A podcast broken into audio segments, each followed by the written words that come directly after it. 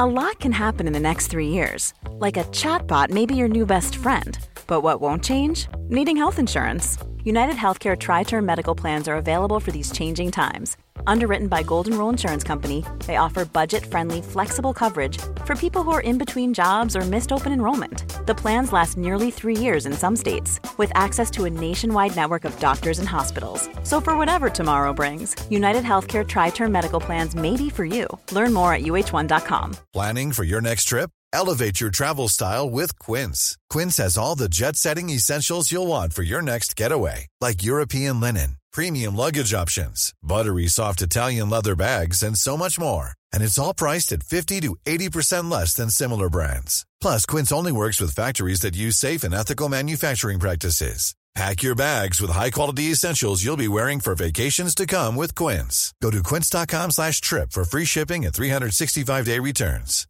I'm Sandra, and I'm just the professional your small business was looking for. But you didn't hire me because you didn't use LinkedIn jobs. LinkedIn has professionals you can't find anywhere else, including those who aren't actively looking for a new job but might be open to the perfect role, like me.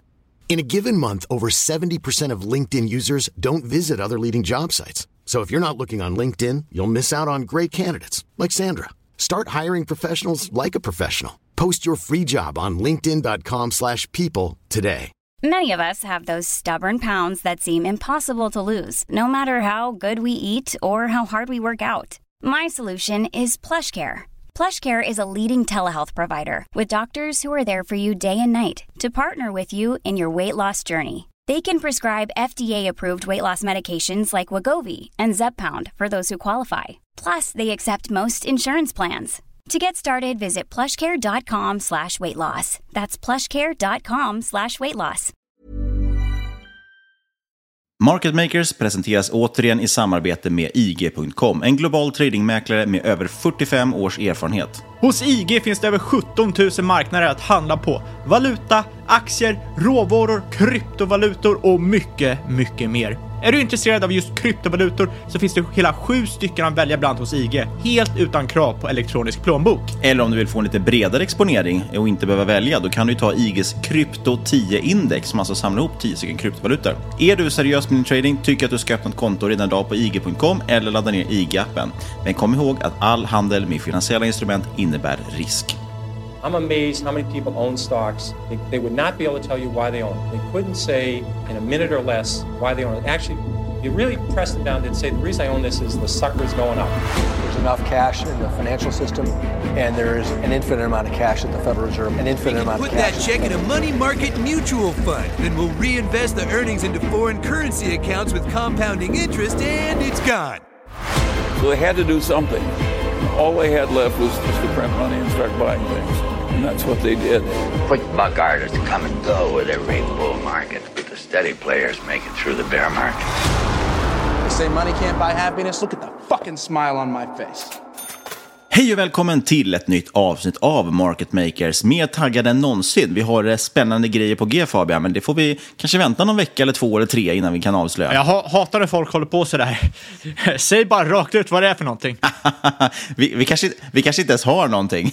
Bara säger det för att bygga lite, lite suspens. Ja, tä- tänk, om nyheten att vi ska avsluta podden. Det vore ju jäkligt, eh, jäkligt kul för de som lyssnar. Nej, men jag har en spännande nyhet här. Jag sitter på ett eh, nytt skrivbord här som jag är väldigt nöjd att jag har lyckats snickra ihop. Det, det är en nyhet. Oj, trevligt. Det kommer ju inte påverka varken ljudet eller någon annan form av upplevelse i podden, men det gör ju mig gladare och därmed kanske podden blir lite roligare. Men från det skrivbordet, ja, då ska vi idag ha en så kallad pitch-off. Du ska pitcha ett case, jag ska pitcha ett case och sen i slutändan ska vi komma fram till vem är det som pitchar bäst case egentligen? Jag tror att det är Fabian. Eh, du tror ju antagligen att det är dig själv, eh, men du har ju alltid fel. så att... Ja, vi får se vilket av de här som folk kommer tycka är roligast då kanske, eller bäst eller mest intressant. Men oavsett vad vi säger så ska vi komma ihåg att som vanligt är det ingen rådgivning eller rekommendation. Vi berättar om vår process, hur vi tänker, men du måste alltid göra din egen analys. För att alla investeringar är förknippade med risk. Ja, och jag drog ju längsta stickan så jag får väl börja. Och jag tänkte prata om ett bolag som heter NEPA, N-E-P-A. Och det här är lite av ett Twitter-case med en bra prislapp, kan man väl eh, sammanfatta det i. Vi, vi pratade om det, det var faktiskt förra veckan vi pratade om det, det här med värdet i Twitter, att man kan hitta väldigt mycket bra case. Och eh, jag vill ju påstå att jag efter mina år nu på Twitter följer ganska mycket bra folk. Eh, och då snappar man upp sådana grejer ibland som man, man kan se ibland, så vänta nu skrev den där om det, tänker man kanske inte på det, så skriver nästa person om det. Då börjar man lägga ett, eh, lägga ett pussel och säga att okej, okay, men nu är det ganska många duktiga Twitter-profiler som skriver om samma case. Alltså det börjar bubbla lite. Med det sagt så ska det tilläggas att det här bolaget tyvärr då eh, handlas med ganska låg likviditet. Jag säger tyvärr, för att hade jag varit privatinvesterare och inte haft en podcast hade jag tyckt det var positivt. Men jag tycker att det blir lite problematiskt när vi har en podcast med ganska mycket lyssnare, för att det kan påverka eh, värdet på aktien helt enkelt. Så med det sagt, så, så en stor fetisgrej med att jag har lite aktier i Nepa, men med det sagt, vi har ju sådana principer att vi aldrig någonsin säljer någonting. Tidigast i sånt fall eh, några veckor efter vi släppt avsnittet, så vi ska aldrig försöka liksom hålla på att, att sälja in någon form av flöde som vi eventuellt skapar. Eh, det är samma sak, vi köper ju aldrig heller någonting inför podden på det sättet, utan vi, ja, vi försöker vara lite långsiktiga eh, och, och hålla åtminstone några veckor så att det inte ska bli några tveksamheter. Långsiktigt och hålla några veckor är inte samma sak. Men jag, jag, förstår vad du menar, inte skapa flöden. Pump and dump som det heter. Exakt, eh, det är ju både olagligt och väldigt oetiskt. Med det sagt, Nepa i alla fall, eh, de håller inte på med någonting oetiskt eller olagligt, utan de erbjuder, det här låter väldigt fint, automatiserad och kontinuerlig datainsamling, dataanalys och distribution av agerbara insikter samt förslag till åtgärder. Eh, vill du försöka bryta ner det Fabian? Du, det här är ju någonting som du brinner för lite, det här med dataanalys och vad man kan göra med det. Vad är värdet egentligen dataanalys? Ja, det är att analysera data så du vet så du faktiskt kan få insikter av det. Data i sig gör ju ingenting det är ju bara en massa bokstäver och siffror och ord och grejer. Ehm, det är insikterna du kan få ut av det och det är ju faktiskt en jäkla moat om du kan eh, ja, få bättre insikter i datan än konkurrenter. Ja, men precis. Och jag vet att både du och jag brinner mycket för det här med business intelligence, som det så fint heter, och eh, dataanalys. Du har ju till och med jobbat med det och eh, studerat en hel del av det. Eh, och vi har pratat om det mycket i podden. Så egentligen det som Nepa gör, det finns många bolag som gör lite liknande grejer, men de, de tar ju egentligen, hjälper bolaget med dataanalys, samlar in data på olika sätt. Eh, det kan ju vara till exempel användarnas eller kundernas beteende, alltså hur rör de sig inuti en app, vilka knappar trycker de på, eller på en hemsida, vilka knappar trycker de på. Det kan vara liksom undersökningar, formulär, hur agerar de med sociala medier och så vidare. All form av data vill du egentligen bara samla in. Integrerar också med affärssystem, eh, vad du lägger på sociala medier, annonser och sådana saker, webbtrafik, all form av data från olika håll. Samla ihop den, analysera den, för det är en sak att bara samla in den, det är ett stort ben. Men sen måste du också analysera vad, vad, vad den här datan är för någonting, vad säger den för någonting? Finns det några insikter i det här, pratar man ju alltid om. Kan vi lära oss någonting? Och sen också lämna åtgärdsförslag. Och det man har gjort här egentligen, Nepa, de håller ju på med egentligen turnaround. Det är det som är en stor del av det här caset. Eh, och den turnarounden börjar nu sakta men säkert se ut att lyckas och att de börjar bli klara med den. Och det är egentligen att de går från att innan hade de ju verktyg för de här sakerna. Men det de egentligen sålde, det var ju sina konsulter. De var liksom experter på att göra datainsamling och eh, tolka den datan. Och då sålde man konsulttid. Det finns jättemånga företag som håller på med det. Men då har man ju kommit på att eh, istället för att sälja alla de här egentligen skräddarsydda lösningarna och väldigt kundunika casen med mycket konsulttid, ja då kanske vi kan bygga en plattform, vi kanske kan bygga ut vår plattform så att den automatiskt istället genererar insikter och data, så att man går över till någon form av AI-play eh, och framförallt blir det mycket, mycket mer skalbart. Då helt plötsligt går man alltså från en konsultverksamhet till ett SaaS-case. Och det är det här då som gör att det blir intressant. För konsultcase finns det jättemånga. Det kan vara lönsamt, absolut, att ha konsulter. Eh, men då kanske vi pratar om liksom rörelsemarginal på kanske 10% någonstans. I alla fall låga tvåsiffriga tal. Eh, Medan här istället kanske man kommer upp mot 20-30 i rörelsemarginal. Bolaget själva har faktiskt ett långsiktigt mål om 20% rörelsemarginal. Så det är det här som är intressant. Vi har egentligen ett turnaround-case som ser ut att lyckas, ser ut att gå väldigt bra. Eh, dessutom i samband med den turnarounden så får man lönsamhetsförbättringar. Lönsamhetsförbättringar plus tillväxt bör ge multipel eh, uppvärdering eller multipel expansion. Så det är liksom det som man kan tjäna rejält med pengar på i det här caset om, allting står, eh, om alla stjärnor står rätt så att säga. Eh, man jobbar inom ett antal olika segment. Det handlar ju dels om så customer experience, eh, det vill säga egentligen få kunden som, eller slutanvändaren att, att nyttja produkten mer, eller tycka om produkten mer, eller använda den på rätt sätt. Så man tittar egentligen på kundernas beteende, hur kan vi få dem att göra på ett annat sätt eller på ett bättre sätt. En av kunderna man har bland annat är Spotify, och jag vet att de till exempel internt, jag vet inte om det sker tillsammans med just Nepa, men internt jobbar ju de till exempel väldigt mycket med AB-tester i appen. Det vill säga man vill till exempel, man sätter ett mål att eh, okay, det här teamet ska få eh, liksom 10% mer användning av radiofunktionen i Spotify. Eh, då får ju de hitta på en hypotes. Okej, men om vi gör den knappen större, vi gör den grön och vi lägger den uppe till höger, då kanske fler kommer klicka på den. Och så rullar man ju ut det som AB-tester. låter man ju liksom 5% av användarna få Eh, den nya knappen och resten får den andra knappen, den gamla. Och så jämför man då, fick vi den här 10% förbättringen eller inte? Så den typen av liksom customer experience jobbar man ju med egentligen. Eh, man har också hållit på med marketing analytics, där det egentligen handlar om att på olika sätt få eh, bättre konvertering, ofta är väl ett klassiskt exempel på en e-handel. Hur får vi användaren faktiskt komma in i mål? Eh, hur får vi dem att faktiskt lägga produkterna i varukorgen och köpa dem? Eh, det är också brand and ad tracking lyfter man upp väldigt mycket som ett bra case. Eh, det vill säga vad är det egentligen som, eh, när ni ska spendera saker på, pengar på annonser, hur ska ni få dem att funka, hur ska de lira med ert brand, eh, hur ska ni kunna sälja mer egentligen? Men återigen, som sagt, allt handlar om att egentligen samla data, analysera den datan och hitta bra åtgärder. Vad, ska vi, liksom, vad lär vi oss av datan? Vad kan vi göra bättre? En del av resan man försöker göra nu, det är ett ganska litet bolag, men man försöker egentligen gå från ett litet svenskt bolag till ett större globalt. Man grundades 2006, noterades 2016 på First North och idag agerar man faktiskt på ett gäng marknader. 65 procent, eller runt 65 procent, är fortfarande Sverige, så det är den största marknaden. Finland och Storbritannien står för ungefär 10 procent vardera. Eh, och sen har man övriga marknader, ungefär 10 procent. Och där inräknas bland Danmark, Indien, Norge och USA. Eh, så man är ändå på rätt många intressanta marknader. Man har, jag nämnde Spotify som kund, man har ett gäng andra väldigt intressanta kunder. Man har SAS, BBC, Tele2, eh, Amazon Prime Video nämns, AB Inbev, det är en av världens största eh, bryggerier. Väl? Eh, Dolby, Wrigley, Rocket League för spelfantasterna där ute.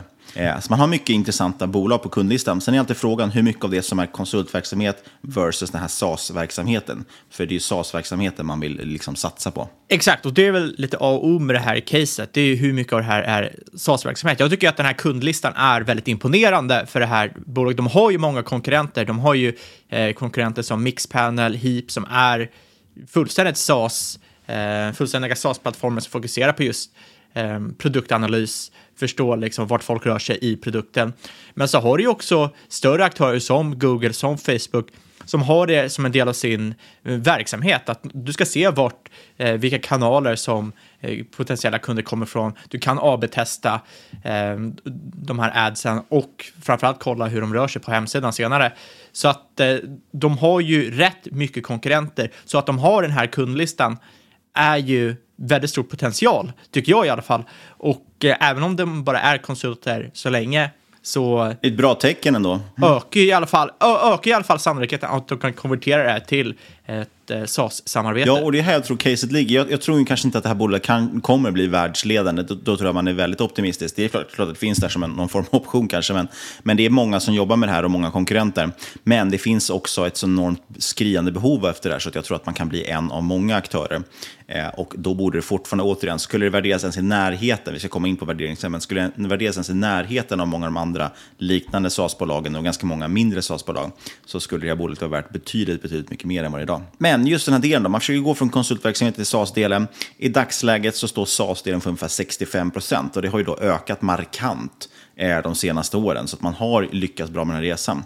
Eh, och vi kan prata lite faktiskt om den här turnaround-delen. För det är som sagt, den här turnarounden mot SAS och framförallt då marginalförbättringen som sker på det, det är det som är caset. För att man också hoppas att den biten ska leda till en då multipel expansion. Man har satsat på tillväxt egentligen från IPO man gjorde 2016.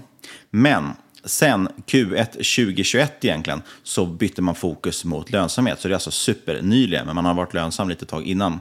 Eh, och målet nu 2021 är att fokusera på lönsamhet, bygga en lönsam bas och sen ska man då från 2022 framåt återigen satsa på tillväxt. Men med bibehållen lönsamhet. Så man vill bygga upp lönsamheten genom att gå över till SaaS. Och sen när det är implementerat, man har gjort den turnarounden, då går man tillbaka och satsar på tillväxt. Men då ska lönsamheten redan finnas där i bakgrunden. Eh, och jag tror att mycket av det här faktiskt grundas egentligen i corona. Dels har man väl insett och sett hur marknaden svänger mot mer SaaS, så man vill hänga med på det tåget. Men jag tror också mycket förändrades 2020. Man har under eh, pandemin inte tappat en enda kund, man har alltså 0% i churn. Man har till och med tagit in lite nya kunder.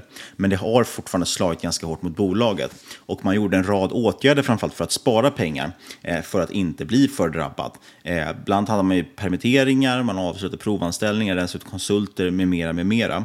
Och de här effekterna blev ju liksom inte långvariga, för att man har ju redan sedan oktober 2020 gått tillbaka från till exempel permitteringen och man har inte längre någon krisstöd och så som företagare.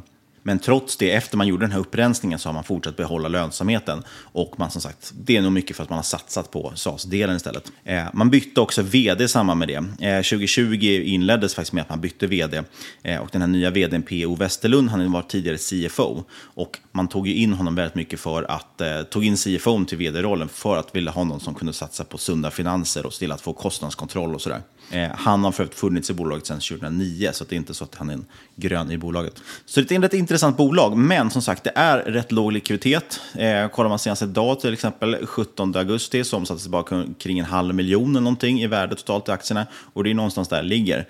Eh, så det är det som ska tilläggas också, att det liksom är ganska låg handel i det här bolaget. Knappt 700 ägare på Avanza. Eh, börsvärdet ligger på en halv miljard, så att någonstans får det här kanske klassas in som någon form av non-cap. Men det är också där det kan finnas rätt mycket intressanta case, eh, kan jag tycka. Men jag har ju pratat också om att det är billigt. Eh, det här bolaget handlas i dagsläget till PE 27. Och då kommer ju någon att skratta åt mig att jag tycker det är billigt. Men för den här typen av bolag, P 27 och ett PS på 2 är väldigt lite för ett SaaS-bolag med över 60% återkommande intäkter och i princip noll churn. Eh, med den tillväxt man haft så ligger dessutom PEG-talet på 0,13. Eh, så det är ju ett, liksom ett, ett, bolag som faktiskt växer och framförallt utökar sina marginaler. För bolaget håller inte egentligen så extrem omsättningstillväxt. Vi pratar snarare kanske runt 10-15% per år. Eh, men det som gör att vinsten växer så enormt mycket är ju att marginalförbättringarna kommer in. Eh, marginalen har blivit konstant bättre. Liksom. Eh, senast sitter vi på bara 2020 så låg man kring 5% vinstmarginal eh, och nu i Q1 2021 rapporterar man över 7% vinstmarginal. Eh, och det där går alltså ganska, liksom, det där kan röra sig ganska fort och man bör som sagt kunna se någon form av mål kring ja, 20-30% rörelsemarginal, tror jag inte alls är otänkbart. Eh, och då blir det inte så mycket himla lägre på vinstsidan. Då. Sen är det ganska intressant på det sättet då EV, EV sales till och med under 2, alltså man ligger på 1,7 eh, eftersom man har en, en, negativ eh, nettoskuld, alltså man har nettokassa egentligen. Eh, så bolaget är välkapitaliserat, man är lönsamma eh, och har de här marginalförbättringarna framför sig, eh, vilket gör det rätt intressant. Och jag menar, som sagt, det finns eh, Tittar man på SAS-bolagen, då, man kan tycka att de har extrema värderingar. Skulle man bara nå upp till hälften av de värderingarna som man ser i vissa av de här SAS-bolagen, vissa som dessutom är betydligt mer oprövade, eh, så borde det här bolaget värderas upp rejält egentligen, kan jag tycka. Oj, det är håsigt. Ja, det är väldigt håsigt, men det är ju med en stor risk, så det är ju så att man får ju räkna på sannolikheten. Sannolikheten att man får exakt det utfallet, att allting går rätt och att det här bolaget ska värderas upp till, ja, vad vet jag, samma multipel som Signsex, de handlar väl till price sales 30 eh, eller någonting. Eh, ja, nej, det är kanske inte är jättetroligt. Låt säga att vi sätter en, en liksom 20-30% sannolikhet på det. Ja, då får du ändå någon form av utfall som fortfarande är ganska intressant. Så det känns ändå som det borde kunna värderas upp. Men sen är den sakta men säkert har folk börjat hitta i det här bolaget och det krävs inte jättemycket pengar för att, att äh, aktien ska röra sig uppåt. Så den är upp drygt 70% i år. Och som sagt, det är en del intressanta folk som har hittat till den. Man har lite fonder i det där. Bland annat har man fonden Elementa eh, som är lite intressant. De äger ju faktiskt 17% av bolaget. Eh, man har också en hel del insiderägande och generellt så skulle jag gissa på att det är ganska låg free float lågt. Jag har ingen siffra på det tyvärr, men den, den eh, känns som att den är, är ganska låg med tanke på att, ja, så som ägandet ser ut. Intressant pitch här, Niklas. Ska se om jag kan leva upp till samma samma hype. Nej, men jag vill inte bli för långrandig heller om det här, men det är ett ganska intressant bolag. Det har inte skrivit så jättemycket om det, inte pratat så jättemycket om det, men man ser som sagt en del intressanta Twitter-profiler som pratar om det. Och då tycker jag att det kan vara värt att gräva lite närmare i, för att det, det, det är ganska många duktiga personer som är det här. Sen är det som sagt, jag vill lämna med det ändå att det är ett högrisk-case med tanke på att det är ett ungt bolag ändå förhållandevis, eh, framförallt ungt på börsen. De har ju precis gjort en turnaround. Det är inte säkert att den kommer lyckas så bra som man har trott och så vidare. Men jag tycker att de har kommit till en fas i alla fall där det känns som att pilarna pekar pekar åt rätt håll. Eh, och då kan det ändå bli ganska, eh, ja, jag tycker det kan vara, se rätt intressant ut. Och som sagt, en fet disclaimer att jag har lite aktier själv också, men det är knappast mitt största case. Kul. Jag, jag hade egentligen tänkt ta upp ett helt annat bolag i den här podden, men nu eftersom du har ett obeprövat eh, nanocap-bolag så tänkte jag att jag kan inte vara sämre, så jag har också grävt fram ett obeprövat nanocap-bolag. Eh, kanske ännu mer högrisk än vad du har tagit fram, så alla är med på den liksom, noten, att alla vet att det här är väldigt obe, ett obeprövat bolag. Kort historik, men ytterst intressant. Jag ska prata om, och det är också lite om en Twitter-snackis nu senaste veckan faktiskt, och det är Powerband Solutions, noterat på den kanadensiska börsen, PBX i ticken. Och Powerband Solutions äger märket Drivers, alltså det är IVRZ, som med tre olika ben vill innovera bilhandel genom att streamlina köp och sälj. Och det första och det viktigaste av de här benen är Drivers Financials, som är en fintech-plattform för bilhandlare som riktar sig mot eh, EVs, alltså eh, elbilar och leasing av begagnade bilar. Man har per juli 2021 562 bilhandlare som partners och man har mål om 1000 stycken under H1 2022. De senaste två månaderna, alltså juni och juli, har man växt med över 30 procent month on month. Alltså det här är inte per kvartal, det här är per månad och eh, företaget anser att de kommer fortsätta växa med hög med väldigt hög tillväxt framöver. Det är ju faktiskt 30 procent månad över månad. Det är ju ja, det, det är rätt imponerande siffror får man säga. Frågan är uthålligare om jag förstås. Exakt, och det är väldigt sällan man ser ett sånt här bolag på börsen. Och det här är alltså en mjukvarulösning för kortsiktig leasing som tar hand om allt från kreditcheckar till pappersarbetet till att matcha krediter med en 2,9 miljarder kreditlina som är backat av kreditunioner. Det här betyder alltså att eh, Drivers Financials, de står inte för någon typ av kreditrisk här. De har ingen kreditrisk mot kunden, utan de matchar bara krediten eh, mellan kreditunionen och kunderna. Eh, men de har även en djupare kreditportfölj än många andra bolag och det här innebär att de kan nå kunder med lägre credit score. Och det här kanske låter lite läskigt, många tänker subprime och 08-krisen, eh, där jag menar kunder med låg credit score inte kunde betala tillbaka på sina skulder. Men det är viktigt att tänka på att det här är en jättemarknad. De flesta fokuserar såklart på kunder med bättre credit score och där pressas såklart lönsamheten. Och det krävs ett otroligt bra kreditmodeller och otroligt bra datamodeller för att komma in på den här marknaden och göra det lönsamt, alltså låg eh, credit score-marknaden. Men kan man göra det här, ja, då som sagt finns det otroligt hög lönsamhet eftersom många etablerade aktörer vänder om ryggen. Men som sagt, Drivers Financials själva tar inte på sig någon kreditrisk, men de går in i den här eh, marknaden, vilket gör att det är otroligt intressant. Intressant anekdot här som jag läste förra eller förra, förra veckan angående just, eh, du gick in på data förut och nu går vi in lite på leasing här, att ju kortare sessionstid, alltså tid du är inne på en hemsida, eller tid mellan att kunden går in på en leasingplattform och beställer en vara, desto högre sannolikhet är det att de inte kommer att slutföra alla betalningar. Och det här är helt enkelt för ju högre impuls du har, desto sämre finanser har du också. Så att det finns många sådana här äh, analyser och insikter du kan göra för att bygga bättre modeller. Ett, ett hemskt samband egentligen. Desto mer impulsiv, desto sämre eh, finanser har du. Ja. Men, men det, är, det är sant. Det är, det är samma sak som om du går förbi en äh, Louis Vuitton-butik och går in och köper en väska på impuls. Du har antagligen rätt dåliga finanser. Visst, du kan ha, har du tur har du en rik farsa eller någonting, men de flesta har ju inte det. Ehm, den här mjukvaran i alla fall, eh, redan integrerad i två ledande CRM-lösningar som finns hos 80% av amerikanska bilhandlare. Och det här är en extrem fördel för det leder ju till en enklare insäljning om du kommer utan att vara integrerad någonstans. Fördelen här då är att du tar ju en komplex och lång procedur och drar ner det till en väldigt kort process som bara tar några klick och några minuter och framförallt så får ju slutkunden sin bil dagen efter. Och ju snabbare man kan stänga en deal, desto större sannolikhet är det ju att den går igenom. Desto, större tid, desto längre tid det tar att göra en deal, desto fler kommer hoppa av under vägen. Så det här är alltså en fördel för både kunden och för bilhandlarna. Och kortsiktig leasing innebär egentligen att användningskostnaden minskar drastiskt då bilen redan deprecierat i värde, vilket innebär billigare termer. Och det löser också problemet med så kallad negativ equity, det vill säga att värdet på bilen faller under värdet på lånet på bilen, vilket eh, vanligtvis händer om du till exempel köper en bil och eh, lånar på den. Eh, det här tillåter kunden, den här modellen tillåter kunden att byta sin bil var andra, tredje år, så det blir lite mer av en subscription-modell och man skulle kunna säga att det är recurring revenue här. Nycklarna behöver bara lämnas in hos handlaren så kan man plocka upp en ny bil sen dagen efter. Det är perfekt. Och det var alltså den första bilen. det, det första benet.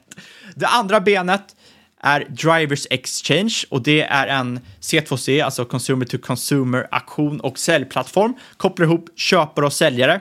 Plattformen pilottestas just nu i Arkansas och i Nashville, men man har expansionsplaner i fyra stora marknader under Q3. Det är samma typ av grundtänk fortfarande, att eh, plattformen matchar egentligen ihop olika typer av aktörer. Men man går på ett helt annat ben. Ja. Exakt. Skillnaden är att första benet är ju purely fintech. Där matchar du ju kredit, eh, krediter. Ja, precis, men du matchar fortfarande ihop det, precis som Compriser eller Price Runner eller vad som E- helst. Exakt, och andra är då att du matchar själva det fysiska, bilarna. Och det som är intressant här är att 50% av begagnade bilar i USA säljs privat eh, och att marknaden är väldigt utsatt för till exempel bedrägeri. Och därför till exempel verifieras alla användare på den här plattformen för att motverka spam och bedrägeri. Sen finns det också andra funktioner framöver, till exempel C2D, Consumer to Dealer, eller till och med D2D, Dealer to Dealer. Också lite olika features som historik på bilen, underhåll, transport och så vidare. Helt enkelt ett Och det där har jag faktiskt eh, testat själv precis, consumer to dealer, eh, när vi sålde vår bil nu. Eh, då gick vi via en tjänst som just också upp, upptäckte jag under tidens gång när jag, när jag liksom försökte förstå hur, hur det funkade. Eh, så funkar det så att de ställer sig bara som en aktör emellan och letar privatpersoner som vill sälja bilar och sen så egentligen slår de ut en aktion. att kolla ut de- skickar ut alla uppgifter på bilen och sen får alla bilhandlare svara på vad tycker de bilen är värd. Och så tar de det bästa dealen. Så det är precis en omvänd eh, prisjakt egentligen. Och eh, det leder ju helt enkelt in till det tredje, be, eh, det tredje benet som heter Drivers Lane. Och det här är en e-handelslösning för online-transaktioner från handlare och listningssajt eh, med över 4,5 miljoner nya och begagnade bilar. Och det här är alltså hela processen från köp eh, till finansiering och det sker online. Och då såklart integreras ju alla de här produkterna. Och det här ska ha en tänkt lansering Q3 2021. Som ni ser, det är ett ben som är live, de andra två benen kommer gå live mainstream senare i år.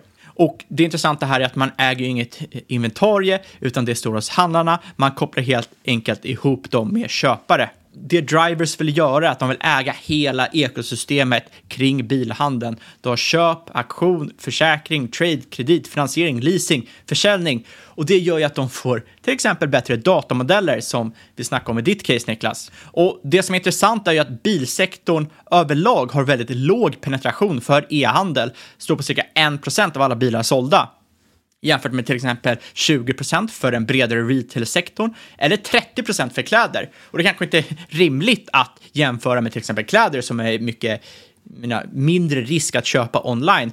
Men kan man få upp den här 1% till 2%, 3% innebär ju stora möjligheter. Så utan att gå in för mycket på TAM så kan man säga att det är en potentiell gigantisk industri. Självklart finns det flertalet konkurrenter. Du har Carvana som var väldigt heta förra året på börsen. Du har Vroom, Mm. Carlots eh, och Drivers stora fördel jämfört med många konkurrenter är att de är kapitallätta och de har det här leasingbenet som gör att de kan få ut bilar billigare till potentiella kunder.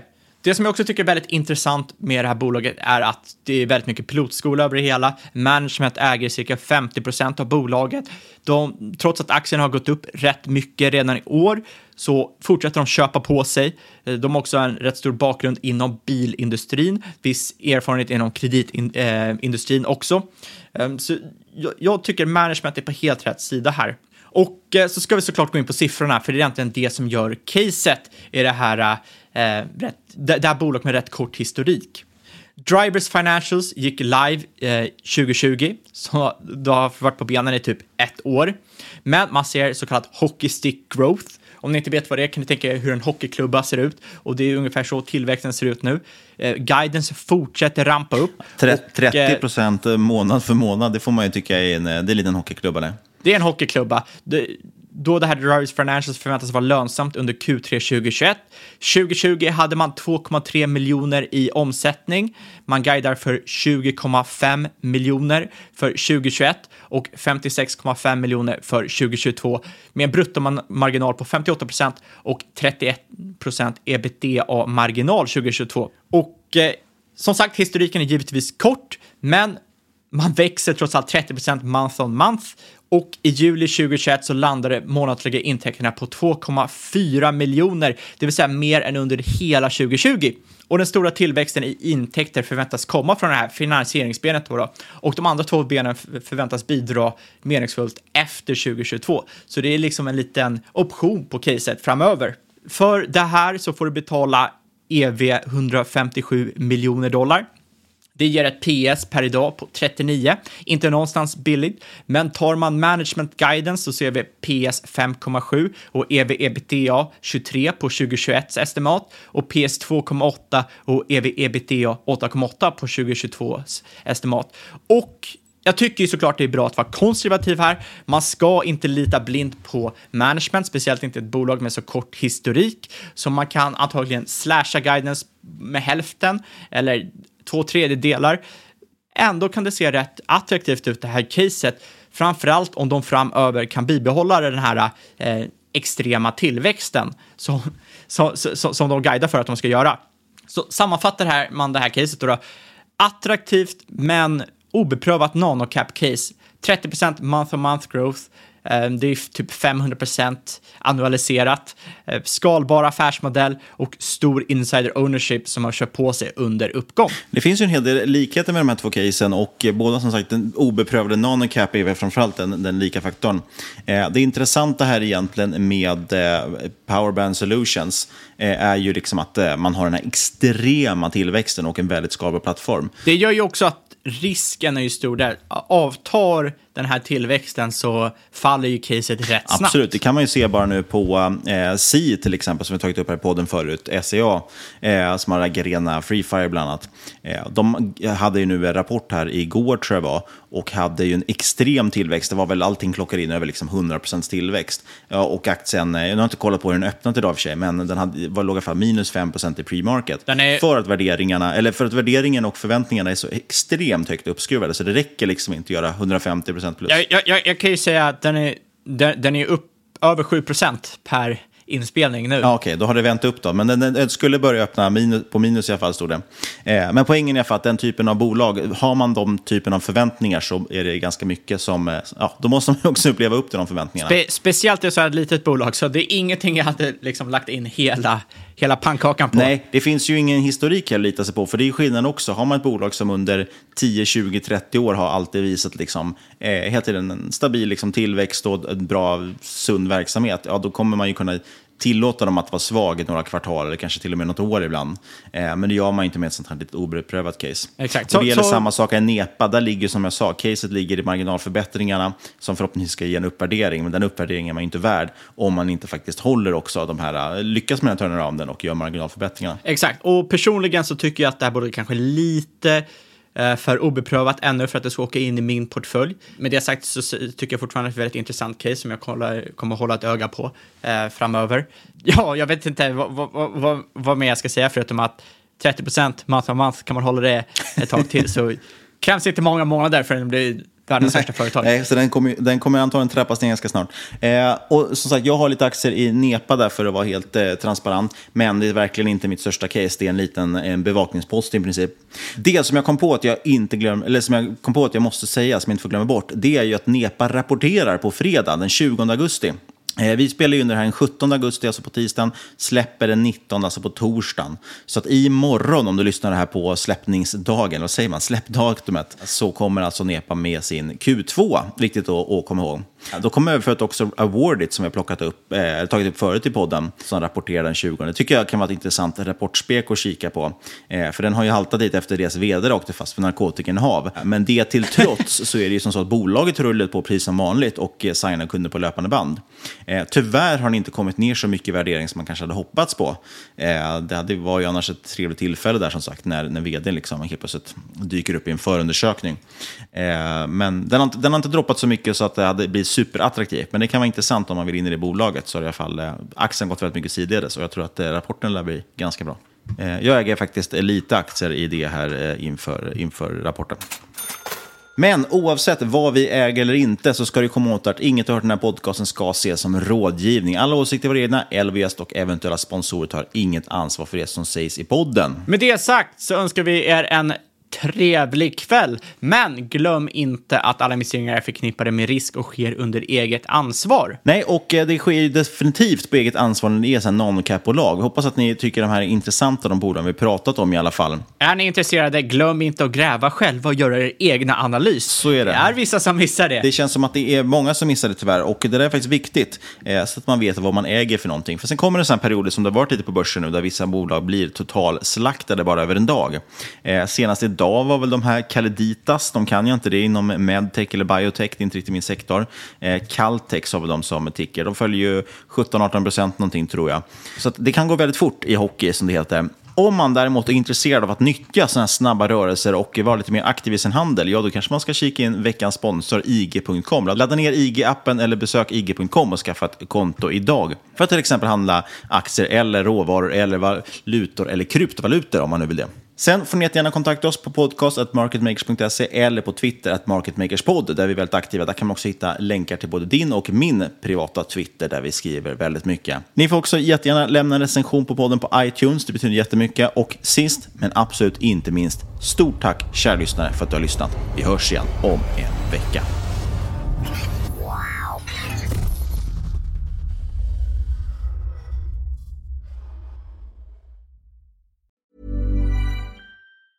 Hey, it's Danny Pellegrino from Everything Iconic. Ready to upgrade your style game without blowing your budget? Check out Quince. They've got all the good stuff shirts and polos, activewear, and fine leather goods, all at 50 to 80% less than other high end brands. And the best part? They're all about safe, ethical, and responsible manufacturing. Get that luxury vibe without the luxury price tag. Hit up quince.com slash upgrade for free shipping and 365 day returns on your next order. That's quince.com slash upgrade.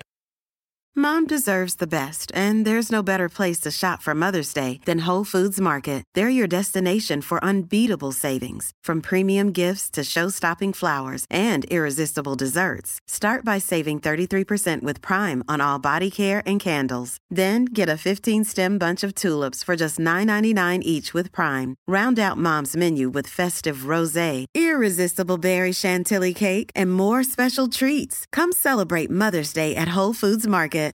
As humans, we're naturally driven by the search for better. But when it comes to hiring, the best way to search for a candidate isn't to search at all. Don't search, match with Indeed. When I was looking to hire someone, it was so slow and overwhelming. I wish I had used Indeed. If you need to hire, you need Indeed. Indeed is your matching and hiring platform with over 350 million global monthly visitors, according to Indeed data, and a matching engine that helps you find quality candidates fast. Ditch the busy work. Use Indeed for scheduling, screening, and messaging so you can connect with candidates faster. And Indeed doesn't just help you hire faster. 93% of employers agree Indeed delivers the highest quality matches compared to other job sites, according to a recent Indeed survey. And listeners of this show will get a $75 sponsored job credit to get your jobs more visibility at Indeed.com slash podcast. That's Indeed.com slash podcast. Terms and conditions apply.